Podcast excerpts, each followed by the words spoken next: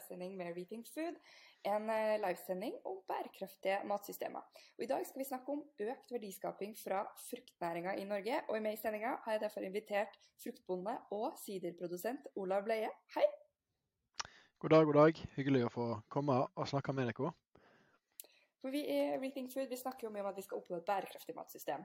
Men skal det være bærekraftig, så må det også være lønnsomt. Eh, og en måte å øke lønnsomheten på, det er å øke betalingsvilja. Eh, og det er flere måter vi kan gjøre det. Eh, men vi skal snakke i hvert fall om én måte å se på gjøre det på den måten som dere har gjort det i Hardanger, Olav. Nemlig å gjøre om ja. epler, som er jo da et nydelig produkt i seg sjøl, til et flytende luksusprodukt. Altså sider veldig spennende. Først, bare utfordre deg med en gang. Kan sider fra Norge bli det samme som cava fra Spania eller Prosecco i Italia? Er vi der? Kjenner ja, jeg vil jo ta det faktisk hakket videre jeg, og spørre hva sider fra Norge vet det, det samme som eh, champagne i Frankrike. Eh, jeg er veldig glad i uh, musserende uh, hvitvin, eh, og favoritt der er jo champagne. Og jeg ser jo hva, hva de har fått til i Frankrike med å, med å lage Altså ta et landbruksprodukt og eh, i løpet av selvfølgelig mange år med, med nitidig, iherdig arbeid for å lage et kvalitetsprodukt, og så rett markedsføring, rett promotering og rett beskyttelse av merkevarer, lage et produkt som har vanvittig masse verdi per drue eller per areal som dette er laga på nede i Frankrike. Da. Så dette er en modell som jeg eh, eh, har lyst til å adaptere til, til, Norge. Og vi er allerede langt på vei til å få det til. Da. Og jeg pleier å av og til si det litt på, eh, før. Eh, altså, vi lager noen hårete mål. Og jeg tenker at her, eh, hvis du reiser til New York eller, eller, London om noen år og ber om eh, et glass Hardanger i, eh, i, baren, så er det en selvfølge at uh, bartenderen serverer et glass sider. Så utrolig kult. Det, det, håper jeg virkelig dere lykkes med. Men bare gi de som hører på, en liten sånn intro av eh, deg sjøl. Eh, og jeg har skjønt at du er fra Hardanger, men eh, vil du fortelle litt om, om hvem du er, og, og, historien til at du starta på det her spennende eventyret? Ja, da, hvor langt skal vi ta det? Jeg er jo bondesønn. Andre i rekka, søsteren min hun sa fra seg odelen, og så tok jeg den. Eh, for 20 år siden, da var jeg 19-20 år. Eh, litt gamle foreldre, men jeg er fortsatt i full vigør. Men, men på papiret så overtok jeg gården i 2001. Og det var samtidig så jeg eh, var ferdig på videregående, og jeg var ikke, var ikke klar til å ta over for fullt da. Så jeg reiste til Bergen og studerte. Og jeg begynte på realfag. Det var såpass tidlig at da kunne du bare velge kurs i alle retninger. Så tok jeg litt matematikk og litt informatikk og litt fysikk. Og, så, så, det endte opp med mest kjemi, faktisk. Jeg fikk en bachelor i kjemi og så videre på en mastergrad. Samtidig som jeg var hjemme og drev gard eh, i sommerferier og i helger. Og far min gjorde jo mesteparten. Men jeg hadde et kraftig anker hjemme i Hardanger. Samtidig som dette urbana drev meg, og dette akademia var vanvittig kjekt. Så det var fremdeles eh, en tid i livet mitt i 20-årene og sikkert en del i tidlig 30-år der jeg var ikke helt sikker på om, jeg, eh, om Hardanger kom til å bli endestasjonen min. Men det er rart med hvordan dette ankeret sakte eller drar det litt tilbake. Altså. Så da jeg var ferdig med mastergraden, så, eh, så tok jeg ikke noen annen jobb enn å faktisk flytte hjem og drive gard. Og da eh, var det ikke noe siderproduksjon, det var eple og plommer og moreller.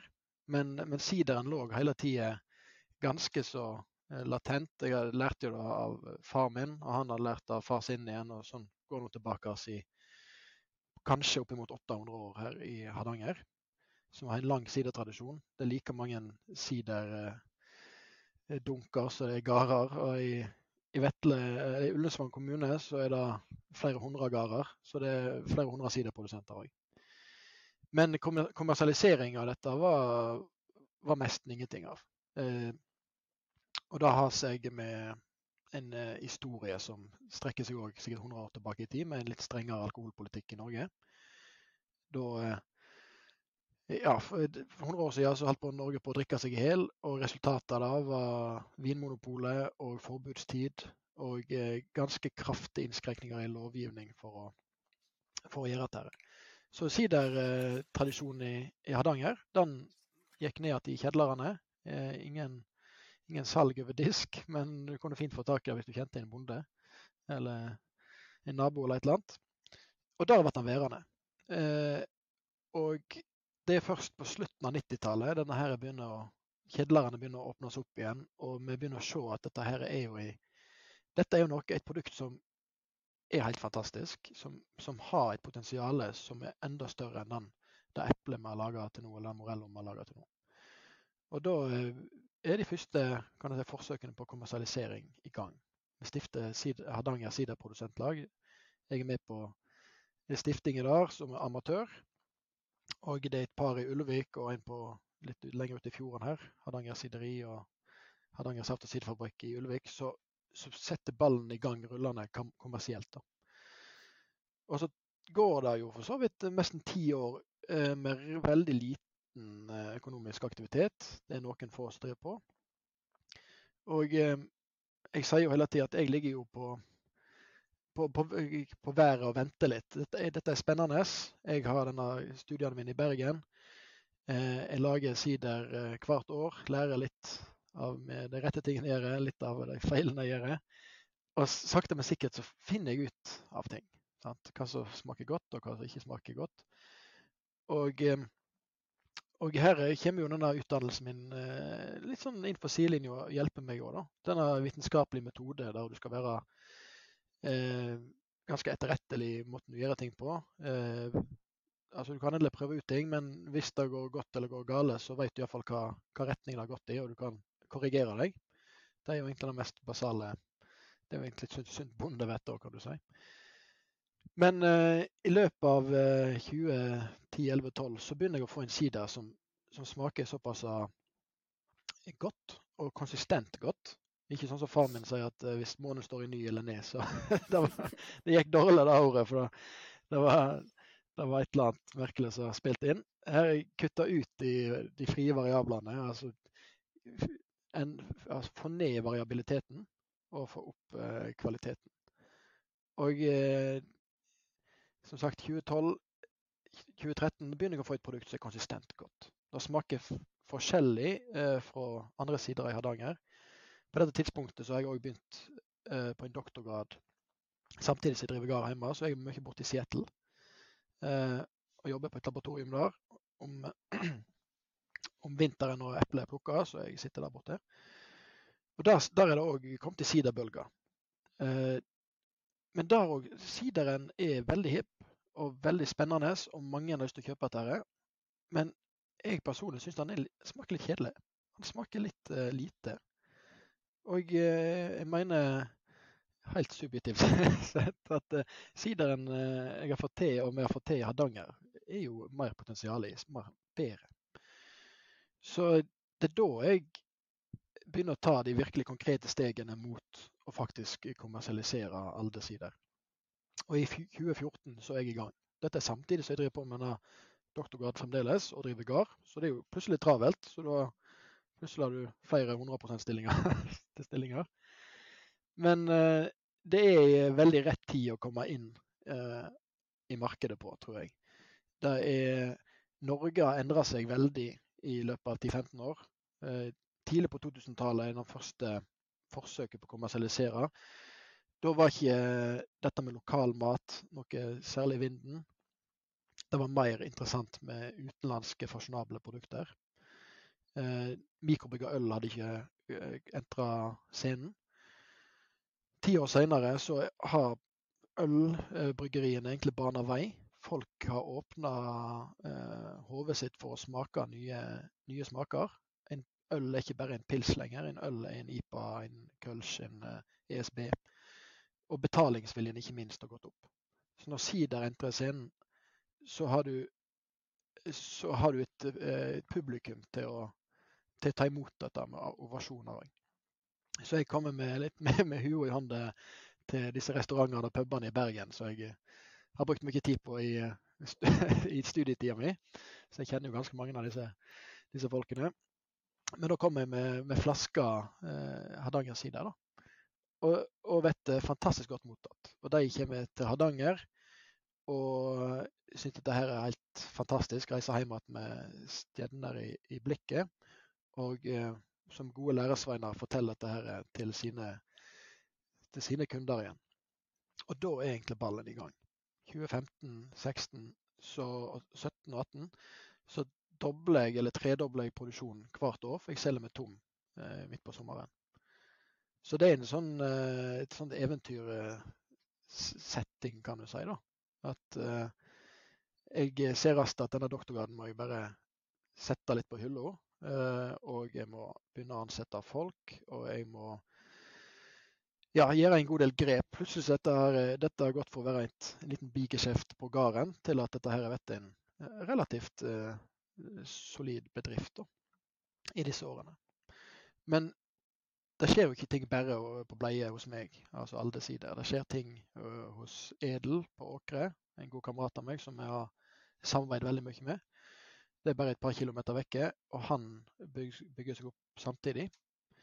Og eh, i Vakna da, så kommer Aga sideri, som ligger en fire kilometer vekke. Og så kommer Store Nå sideri og Kvestad sideri, som ligger i samme bygde. Og dette er bare i Vikebygd. Det er ei bitte lita bygd med 200-300 innbyggere. Og nå har vi sju sideri og eh, fer åtte eller ni eh, i løpet av året. Eh, og dette har jo selvfølgelig noe å si for alt eh, som skjer i et lite lokalsamfunn. Og eh, Hvis du ser på Hisøyafjorden på Loftus, så er det fire-fem sider i nå. I Ulvik er det like mange. I Kvam skjer det veldig masse spennende. Så dette har vært en næringsvei for egentlig hele Hardanger, og det har gått raskt. De siste seks-sju årene har vært helt definerende.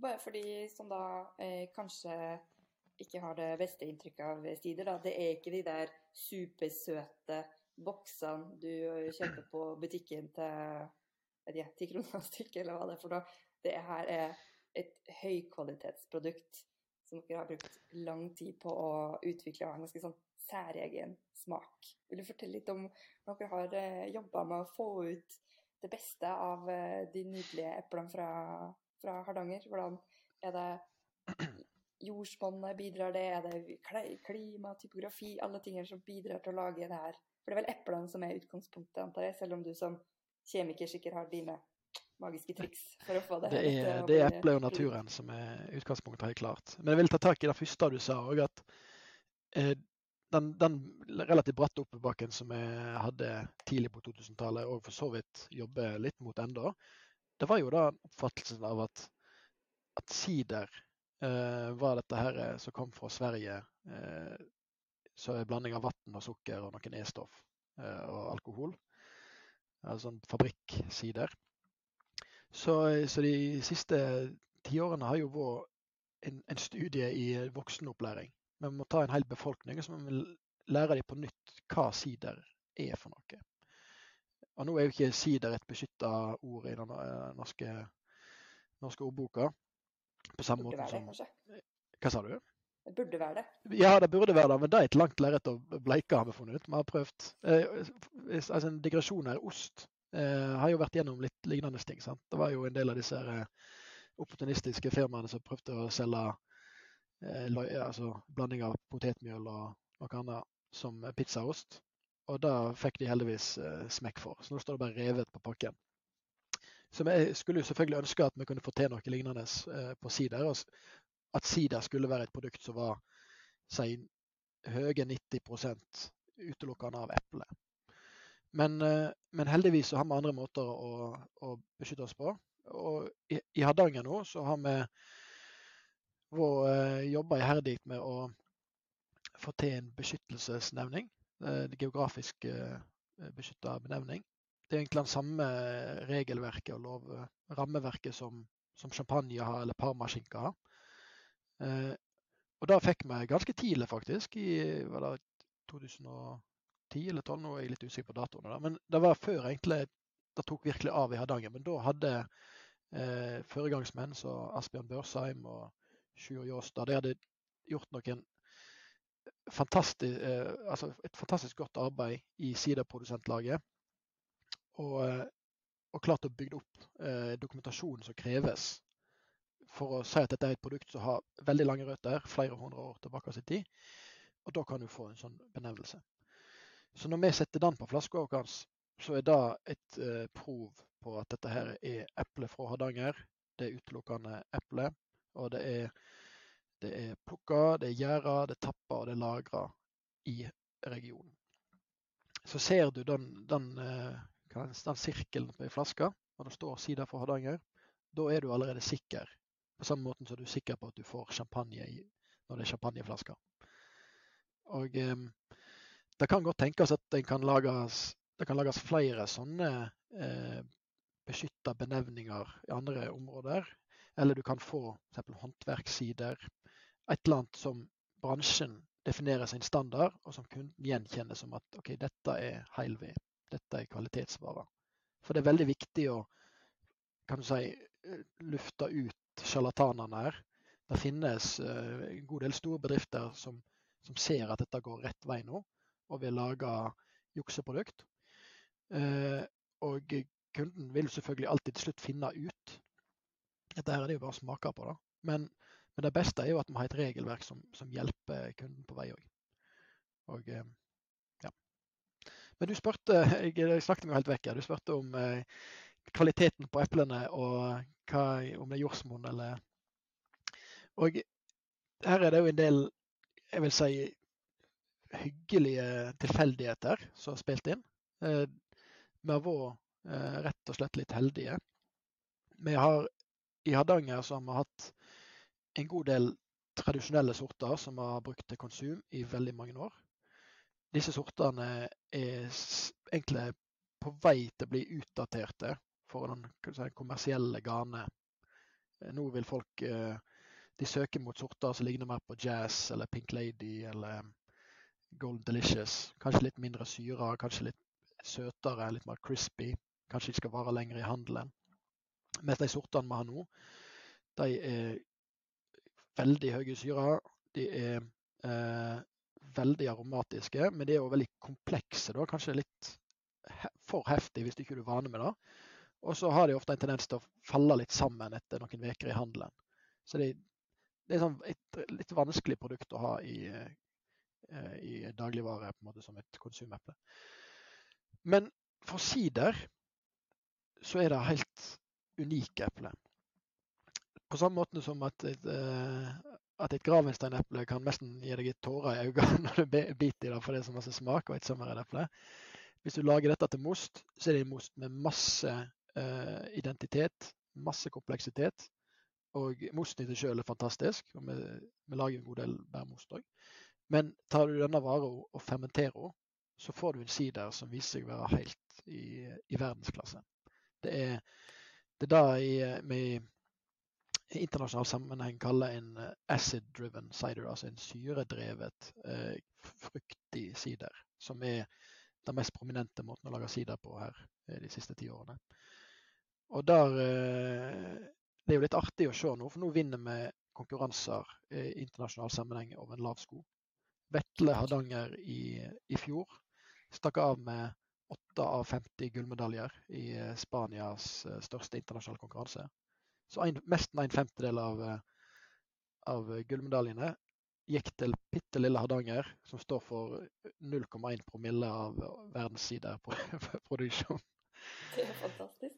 Ja, det, det, det må jo nesten klippe litt i armen. Og, og, spesielt med tanke på at jeg refererte til at jeg hadde vært borte i i Amerika for noen eh, en god del ganger. Og den sideren der var litt kjedelig. Og Grunnen er at rett på andre sida av, eh, av, eh, fjellene der, i on the Cascades, ligger Columbia River Valley, som er en av de største epleproduksjonsområdene i verden. Men de lager jo til konsum. Og de har Golden Delicious og Granny Smith og disse sortene. Og der har du råvarene som disse siderprodusentene kjøpte, da fikk de jo nesten gratis. Det er jo, det er jo ekstra epler fra denne produksjonen. Men dette er epler som er lave i syre, som er lave i kompleksitet, og som igjen gir en relativt eh, ja, blend eller nøytral sider. Eh, og så vår historie er litt mer den der eh, historien om den stygge andungen. Sant? At du, du har et, et, eple som er i ferd med å havne på historiens gravhaug hva angår konsum. og så prøver vi dette altså, altså bruker vi dette til sider, og så har du plutselig et, et, et, eh, et utgangspunkt som er helt i verdensklasse. Og det er moro. Jeg begynte jo denne samtalen med å snakke om eh, lønnsomhet. At eh, skal vi få til et bærekraftig matsystem, så må vi også sørge for at det, at det faktisk lønner seg å, å, produsere. Og så tenkte jeg, når du først snakka om denne 100 eh, år gamle, eller 800 år gamle historien, er det sånn at eh, sideproduksjon mer har vært sånn Nå tar vi de eplene som er til overs, eh, og så lager vi et, eh, et, produkt av det. Har man egentlig henta opp igjen historien på den eh, måten å tenke på? At man tar da et, et produkt som det er lav lønnsomhet på, og så tillegger man det en historie, man tillegger en kvalitet som gjør det at man kan løfte lønnsomheten.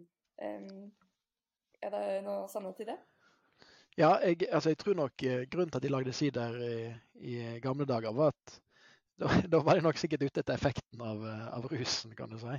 Det, det, er litt fascinerende å lese menneskets historie og, og, på en måte fokusere litt på kilder til alkohol. Og eh, Det virker som det har vært en sånn styrende greie helt ifra egypterne lærte å, å dyrke opp disse flodslettene sine til eh, det moderne mennesket, så har det alltid vært at ja, kanskje vi skal henge litt her og være bønder, for da kan vi lage øl. og vinproduksjon eh, fra georgiansk tid. altså det, det, er veldig spennende eh, historie rundt dette. her. Eh, det er jo munkene som, eh, som kom med eplet til Hardanger på 1200-tallet. Eh, så er ikke vi, vi vet, vi har ingen skrevne kjelder på om de òg lærte oss å lage sider. Men, men her kan vi på en måte anta litt og tenke litt høyt. Og, og, jeg tror nok altså hvis vikingene var villige til å hente bier, eller honning fra ville bier for å lage mjød, så tenker jeg at hvis du har et eple og du kan bare klemme det flatt omtrent, og så vente, vente litt, så får du eh, alkoholisert vare, så, så, er det en god, god, sannsynlighet for at de har brukt denne kilden òg til sukker da, eh, for en fermenteringsreaksjon. Og disse munkene som kom opp, sisterensmunkene, var jo de som var fremst i eh, Europa på fruktvin. Og Det er det flere skrevne kilder på, iallfall fra utlandet. Men de første virkelig eh, skrevne kjeldene fra Hardanger de kommer fra 1600-1700-tallet. På at sider er vet laga og distribuert og, og drukket. Og hvordan eh, jeg tror ikke det var en særlig stor kommersiell produksjon blant de heller. Det var jo et, eh, var et landbruk som ligna ellers i landet, at du hadde litt av, av alt. Du hadde noen epletre, du hadde litt uh, korn og litt forskjellige løkekrøtter og noen dyr. Eh, denne fokuset på slags monokultur eller, eller reindyrka fruktprodusenter, det, skjedde jo i far min sin tid. altså På 50-tallet så tok han over gården og sendte alle kyrne og sauene og grisen og hesten til slakteriet. Og så var det å plante epler og plommer på alt. Så det var, en, det var et stort hamskifte eh, midten av 1900-tallet. Og jeg, jeg, tror nok at det, det, det kan komme flere hamskifter òg. Eh, og kanskje vi er oppe i et akkurat nå. Og eh, du spurte om dette her med om disse eplene som er til overs for konsum, kan brukes til til sider. Og da er det jo sånn det, det var gjort i mange år. Eh, du tar de eplene som kanskje har en liten skjønnhetsflekk, men som smaker godt. Da kan du uansett presse, og så blir det like god, god sider av det. Og eh, det som er litt interessant nå, da, at det er jo det vi har gjort. Men, men nå ser vi jo at hvis et eple i Hardanger nå får en liten skjønnhetsflekk, så stiger det med fem ganger i verdi. Og det er litt eh, setter et lite notabene bak. Med en gang jeg får Ja, det er rett og slett eh, kanskje òg en god del av motivasjonen min til at jeg starta med dette. Hvis, det, hvis jeg hadde snudd kameraet nå og vist dere ut, så er det et landskap som er heisebratt og vilt. Det er så vilt som norsk natur kan, kan være. Og i eh, de eplebakkene som oldebesten min dyrka opp, og besten min dyrka videre, og far min grøfta oppi.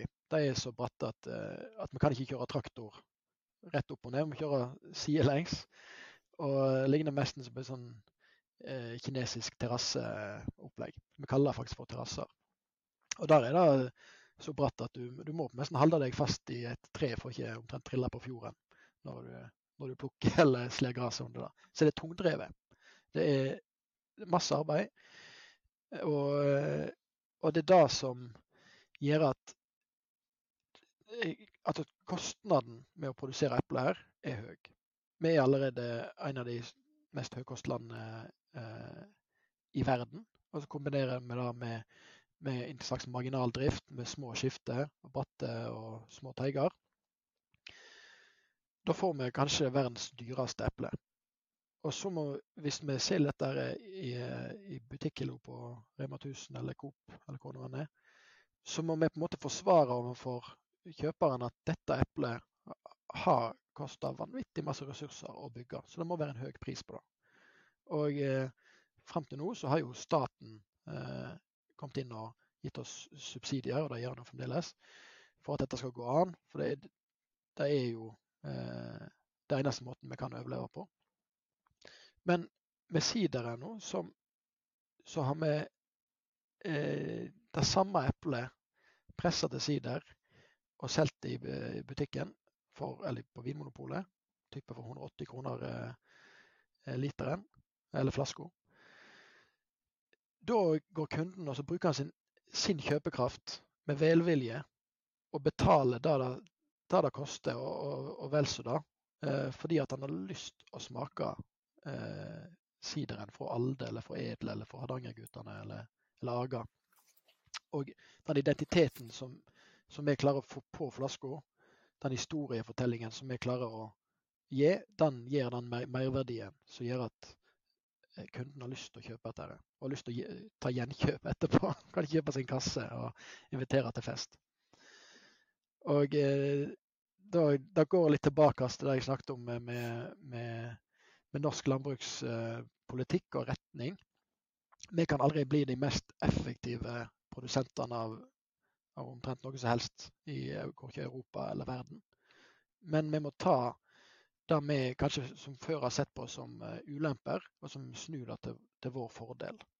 Og Min fordel er at når jeg står i dette bratte eplefeltet mitt og kikker opp mot uh, Folgefondet som ligger rett over meg, så jeg ser glimtet bak meg når jeg stender der, og så ser ned i den blenkende uh, fjorden, så er det allerede en historie, en, en, et, et, stykke merverdi som jeg kan bake inn i, i, i produktet mitt. Så jeg kan skrive på etiketten, som jeg kan invitere folk til å komme og se, smake på sider mens de stender i bakkene eller stender på tunet og ser dette.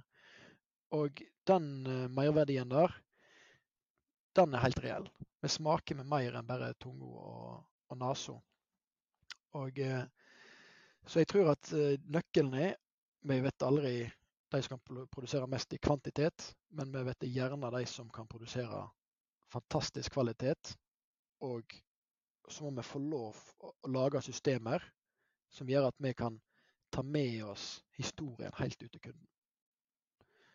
Når du snakker om de systemene, det, eh, hvilke systemer er det du snakker om da? Er det mer sånn åpenhet langs verdikjeden, eh, eller er det mer markedsføring, PR, den type ting? Det er, det er kanskje litt for, begge deler, men, men eh, nå har jeg jo eh, sånn Tradisjonelt sett så har vi levert til, til fruktlageret. Og, og, så venter du i noen måneder, og så får du utbetalt prisen. Så blir det sortert, og så blir det solgt videre til, til grossister, f.eks. Barma eller ja, Gartnerhallen. Og så havner det i enten Norgesgruppen eller her og der. Og du, du er bare med på en, en, liten del av næringskjeden. Resten er styrt av, eh, av andre som egentlig er utenfor din kontroll. Da. Så eh, jeg husker på eh, midten på 2000-tallet, så etter å ha vært hjemme en uke og plukka disse eplene og forsiktig lagt i, i kasser og sendt de av gårde, så kommer jeg til Bergen, inn på en uh, tilfeldig matvarebutikk, og så står det bare 'norske røde epler'. Og så er det kasta sammen i en haug, og noen er kantete og, og, og, og blitt uh, flekka på. Eh, og det er en slags et, et gedigent tap av identitet akkurat i den mikrohistorien jeg fortalte der. den kunden som går der, vet ikke at jeg har stått i disse bakkene og plukka dette eplet med kjærlighet. Og hva, hva det eplet har sett, da. Du kan jo egentlig mest overføre dette til den sauen som balanserer på, på, egget over meg og kikker bort på fondet og ned på fjorden òg. Det er hvis ikke du klarer å formidle den historien til han som kjøper dette, dette, dette lammet, så er veldig mye av verdien allerede tapt. Så det var en av motivasjonene mine. Hvordan skal vi gjøre noe med dette? Og i eh, store strukturer, eh, i samvirkestrukturer, så er det vanskelig å gjøre noe med det. Du, du kan kanskje heve røsten din, og så skjer det ingenting. Det forsvinner i, i en slags ullen, uh, ullent ingenting. Men da jeg starta for meg sjøl, altså gründerfasen med Alde, da måtte jeg altså nå måtte jeg først lage produkter for at det blir kvalitet. Så måtte jeg kjøpe inn flasker, og så måtte jeg lage etiketter. Jeg måtte lage et design. Det er jeg som må bestemme hva, sant, hva som står på flaska. Fortelle en historie der. Så plutselig så er jeg med på foredlingen. Eh, jeg er med på identitetsmerkingen. Og jeg er med egentlig produktet mitt helt til det treffer kunden. Om det er på Vinmonopolet eller det er most i butikk, så er jeg med mye lenger i verdikjeden.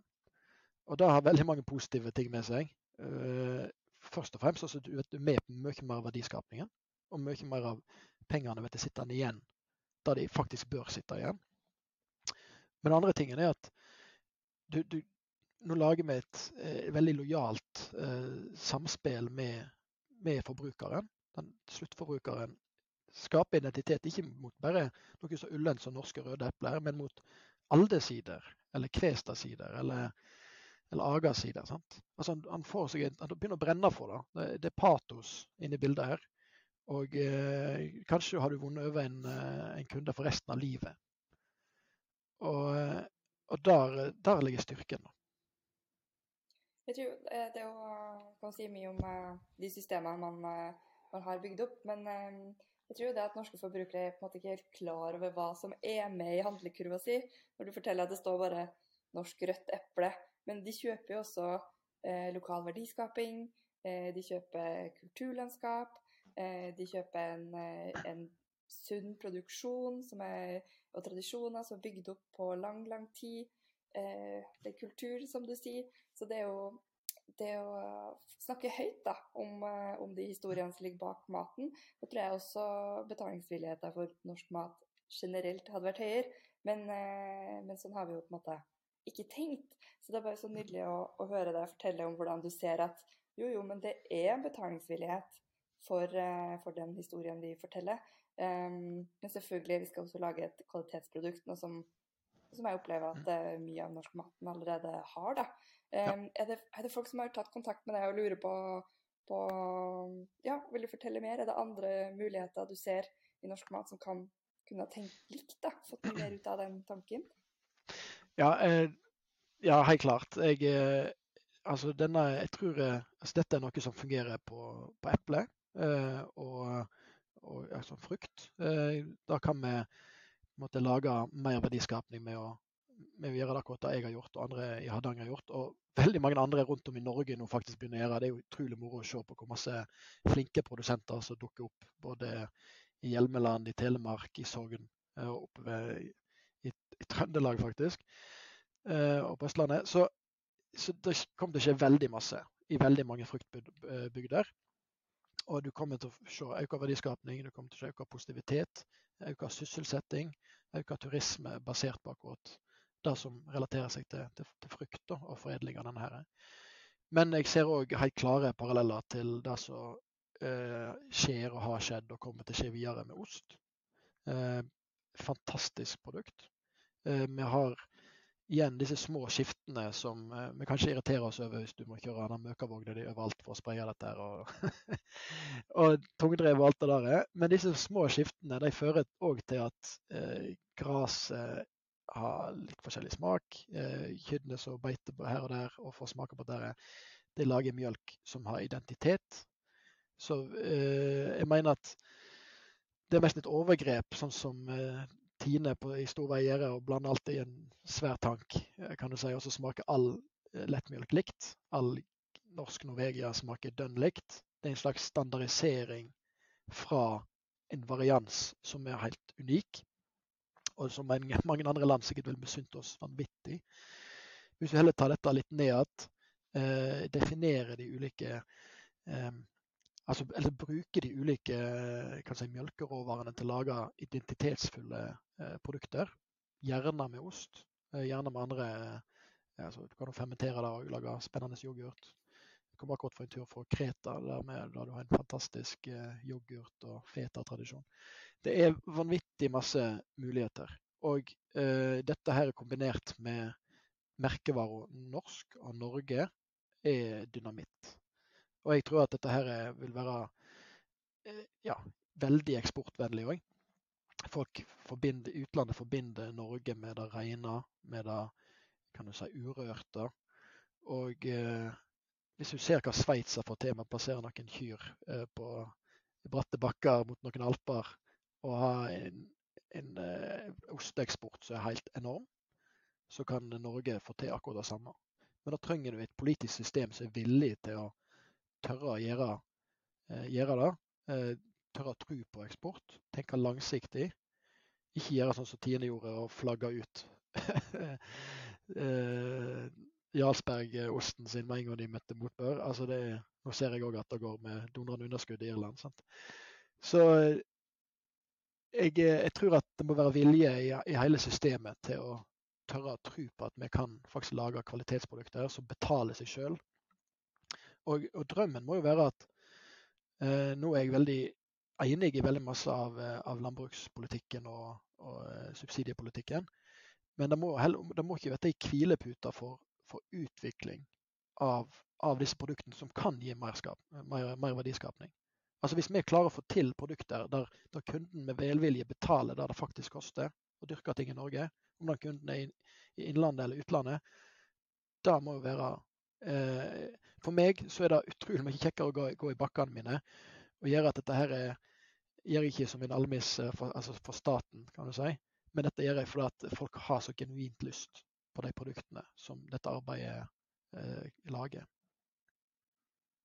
Jeg har begynt å tenke de siste årene at, um, jeg lurer på om det handler litt om selvtillit. Altså, vi har hatt det der uh, politiske systemet så lenge som på en måte handla om skal produsere maten så rimelig som mulig for norske forbrukere. Som du sier, vi har tatt liksom, verdens beste melk med mange ulike kvalifikasjoner. Liksom, stappa det ned i det, i det, samme produktet, i stedet for å tenke liksom at her på min gård, her hvor jeg sitter med de unike kvalitetene jeg har um, At man har på en måte glemt den litt uh, tanken, da, at uh, alt skal ikke være likt. Men, men, vi har faktisk noen kvaliteter i den regionen vi er, eller akkurat på den gården vi er. Jeg lurer på om det vi kollektivt må drive med litt sånn økt selvtillit. At man har ja. faktisk Man selger noe mer da enn bare akkurat det produktet. Man, man forteller en historie med 800 år tradisjoner. Man, mm. man, forteller historien om Man har naturen, man har jordsmonnet, man har været, klima. Alt er med altså, fortelle en større historie. Jeg er helt sikker på at det er det betalingsvillighet for, både i Norge, men også, også i ja. naturen, eller men, ute i utlandet. Ja, det er jo litt vittig. altså Nordmenn har jo en sånn tradisjon for å være litt sånn smålåtne og ikke helt vite hva de har eh, i bakkene sine eller i naturen rundt seg. Eh, og som jeg, jeg, tror vi må lære oss å vite litt, litt mer eh, altså, ja, Se at dette her er kjempepotensial i. Tørre å ta betalt for, for det vi faktisk kan lage her. Og være litt mer Tørre å slå oss litt på brystet og si at dette her er unikt. Dette er bra. Og vi har, som vi var inne på med, med ost, vi har fantastiske foregangsfirma der. Tingvoll ost. Du har Ostegården i Bergen. Du har alt som skjer oppe i ostebygda. Så er det et helt fantastisk eh, område i, rundt eh, Geilo og Gol. Det er så masse positivt. Eh, og dette er framtida for, for, den, eh, for eh, de som lager mjølk. Både av eh, sau, geit og, og kyr, mener jeg. Og så tror jeg òg at nå skjer det en god del, og jeg tror det kan skje enda mer på kjøttfronten. Eh, dette her at vi sitter inne med et berg av, eh, av innfryst eh, lam. Og vi ikke helt vet hvordan vi skal ta kvitt det omtrent, virker det som på media i ny og ne. Det er mange måter å å få fram mer identiteten i dette. her, Få fram stoltheten. Igjen så kom jeg nå nett hjem fra Kreta. Der er de megastolte av, av lammet sitt. Og lager retter som er veldig nedpå, men fantastisk gode. Eh, nå banner jeg litt i kirka, men det smaker mye bedre, bedre enn uh, fårikål. Så det på den måten. Eh, vi kan gjøre veldig masse spennende eh, på den eh, fronten òg. Og igjen ta med, ta med hvordan, hvor har den sauen gått. Han har mest sannsynlig gått på en så fantastisk plass at hadde folk visst det, så hadde det blitt helt øre. Så hadde de gått og kjøpt den pakken med lammekjøtt umiddelbart. Så fortell historien. Mm. Det tror jeg også. Vi nevnte, eller Du nevnte litt turisme her. Um, og det er jo noen ting jeg forbinder med Hardanger fra før. Um, så jeg lurer litt på, har dere eh, jobba bevisst med det, eller å knytte på turismen i, eh, når dere har eh, laga produktet? Det, eh, tar dere med turistene og viser hva som skjer, eller er det eh, turistnæringa i Hardanger? Er de, syns de det her er en historie å fortelle? Hvordan, eller er det noe dere har jobba bevisst med? Ja, absolutt. Hele veien. Litt pga. at som har, i Norge så har vi jo en relativt streng alkohollov, som uh, Helsedepartementet minte oss godt på for noen måneder siden. nå, rundt juletider. Da fikk veldig mange bryggerier og siderier advarsel om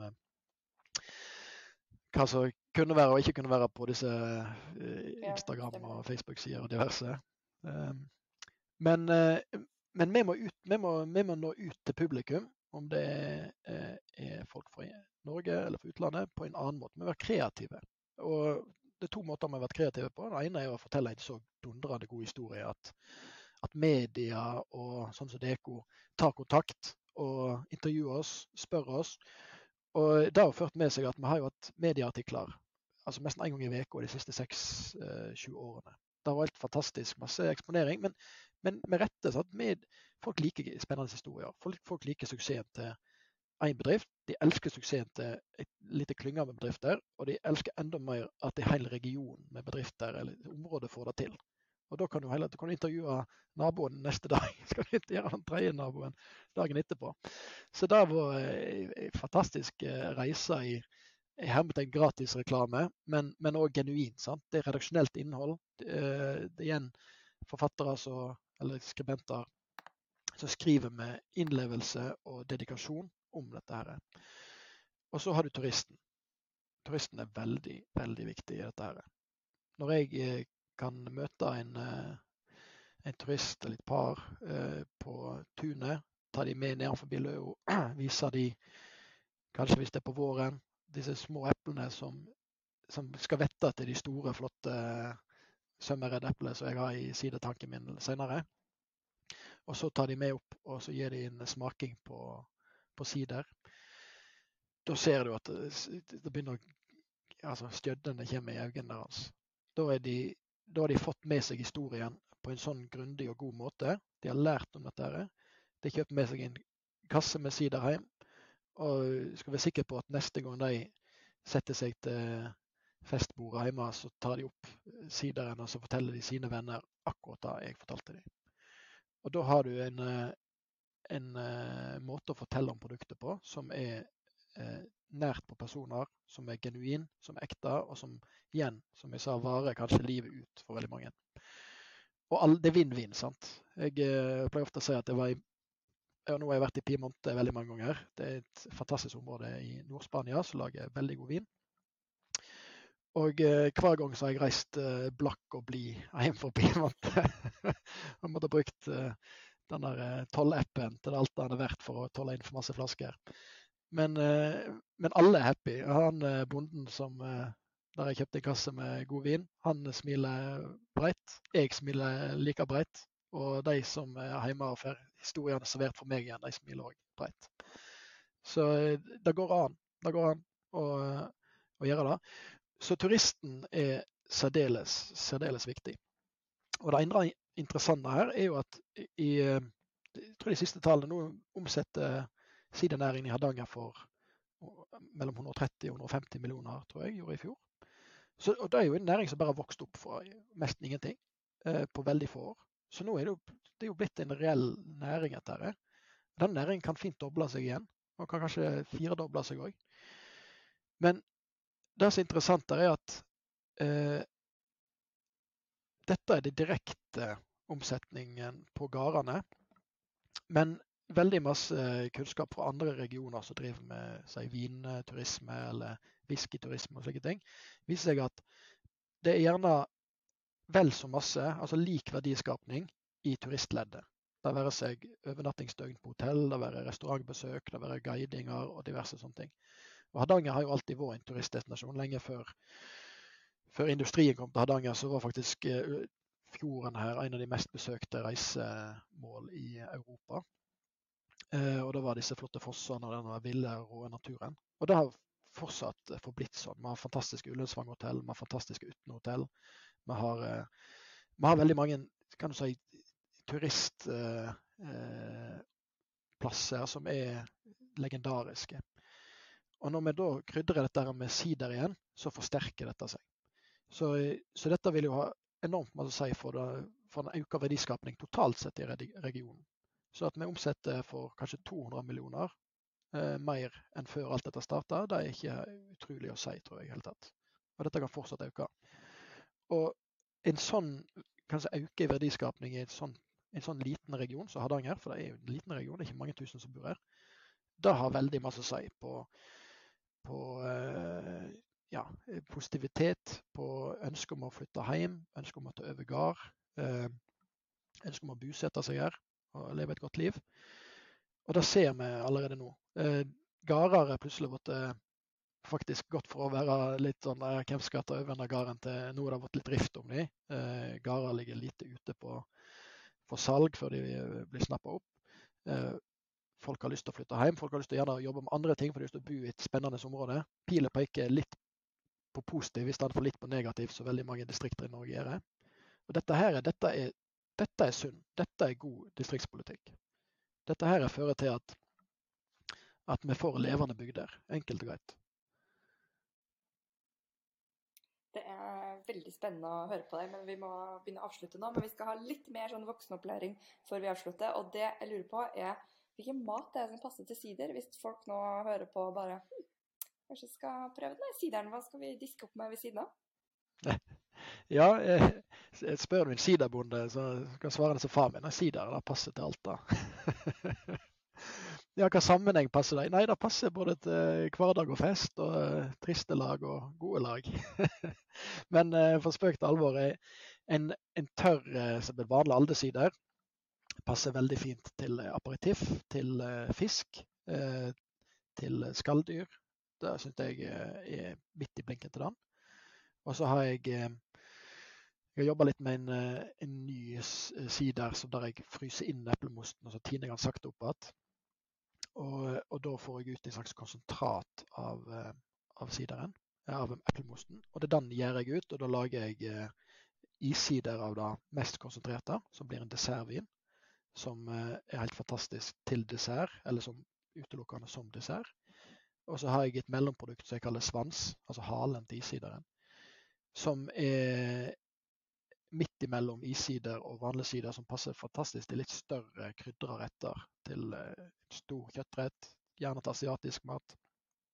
Så du har Og, og nå, uh, nå, er det jo som sagt 25 produsenter i Hardanger. Og det er over 100 produkter. Kanskje 200. Det er veldig mange produkter ute, ute nå. Så nå, uh, nå, kan du ete en sjuretters middag på en fin restaurant, og så kan du pare alle rettene med perfeksjon til, til side. Så Det er det som er så moro med dette mangfoldet vi har, vi har fått der i Hardanger òg. Vi har veldig mange kreative, flinke sideprodusenter som springer rundt dette landskapet, kreative landskapet og løfter på forskjellige steiner. Og eh, lager produkter som jeg ikke hadde tenkt på. Men eh, plutselig så har Joar laga noe med bringebær, og Gjermund har laga noe med, med, med pærer. Og Hardangerguttene har funnet på noe annet eh, greier igjen. Så så da har du en, eh, en varians da, som kommer kunden til gode. Og da, da, eh, kan du egentlig starte med omtrent hva som helst eh, måltid og finne en fantastisk eh, sidakombinasjon. Og dette tenker vi jo på rett, altså. Ja, han har faktisk helt rett. Og jeg tenker jo som avslutning Jeg eh, så hvis du sitter nede f.eks. i Piemonte og spiser ete carne crudo som en av de signaturrettene hans. Og, og, så plutselig kom kelneren og serverte cava i, i, i glasset ditt. Da har det vært et, skur, et eller annet som skurrer når du ser ned på vinmarkene. Og da kan alle se at skurrer. sant? Det, det, det er åpenbart. Men, men, dette har vært tilfellet i Norge i veldig mange år. Du kan sitte på uten hotell eller Ullensvang hotell og så kikke over på eplefeltene. Og så kommer det en rødvin eller en hvitvin fra, fra Frankrike eller Spania i glasset. Og som den største naturlighet. Som største selvfølge. Men nå, det som har skjedd de siste ti årene, er at nå har vi plutselig fått de, altså de, de gode norske alternativene som ikke bare er fra Norge, men er faktisk fra den gården som du ser der borte hvis du sitter der. Og, og da er en slags vanvittig forsterker i den turistopplevelsen. At du smaker kanskje lokale råvarer i maten, og du drikker det naturen har gitt i nærområdet. Og Det er fantastisk for turisten, og det er fantastisk for de som bor der, og, og det er egentlig fantastisk for nordmannen generelt. Da. Det er en vinn-vinn-situasjon. Ja, noe annet vil jo være litt flaut. Eh, men eh, før vi drar til New York da, og bestiller oss en eh, hardanger i, uh, i, baren der Nå er jeg litt usikker på om uh, det er lov å si det her, men hvis vi ikke bor i Hardanger, kan, kan det er Vinmonopolet Man skal ja, primært Vinmonopolet løpe til ja. Vinmonopolet, men eh, det er der eh, man får kjøpt eh, sider.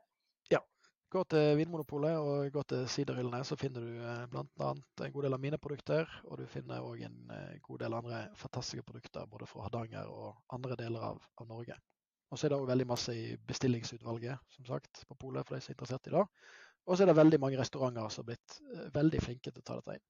Og gjerne påvirke det òg, hvis, hvis det kommer til en plass, en restaurant, som ikke har kan du si, sett lyset ennå, så er det bare å si ifra.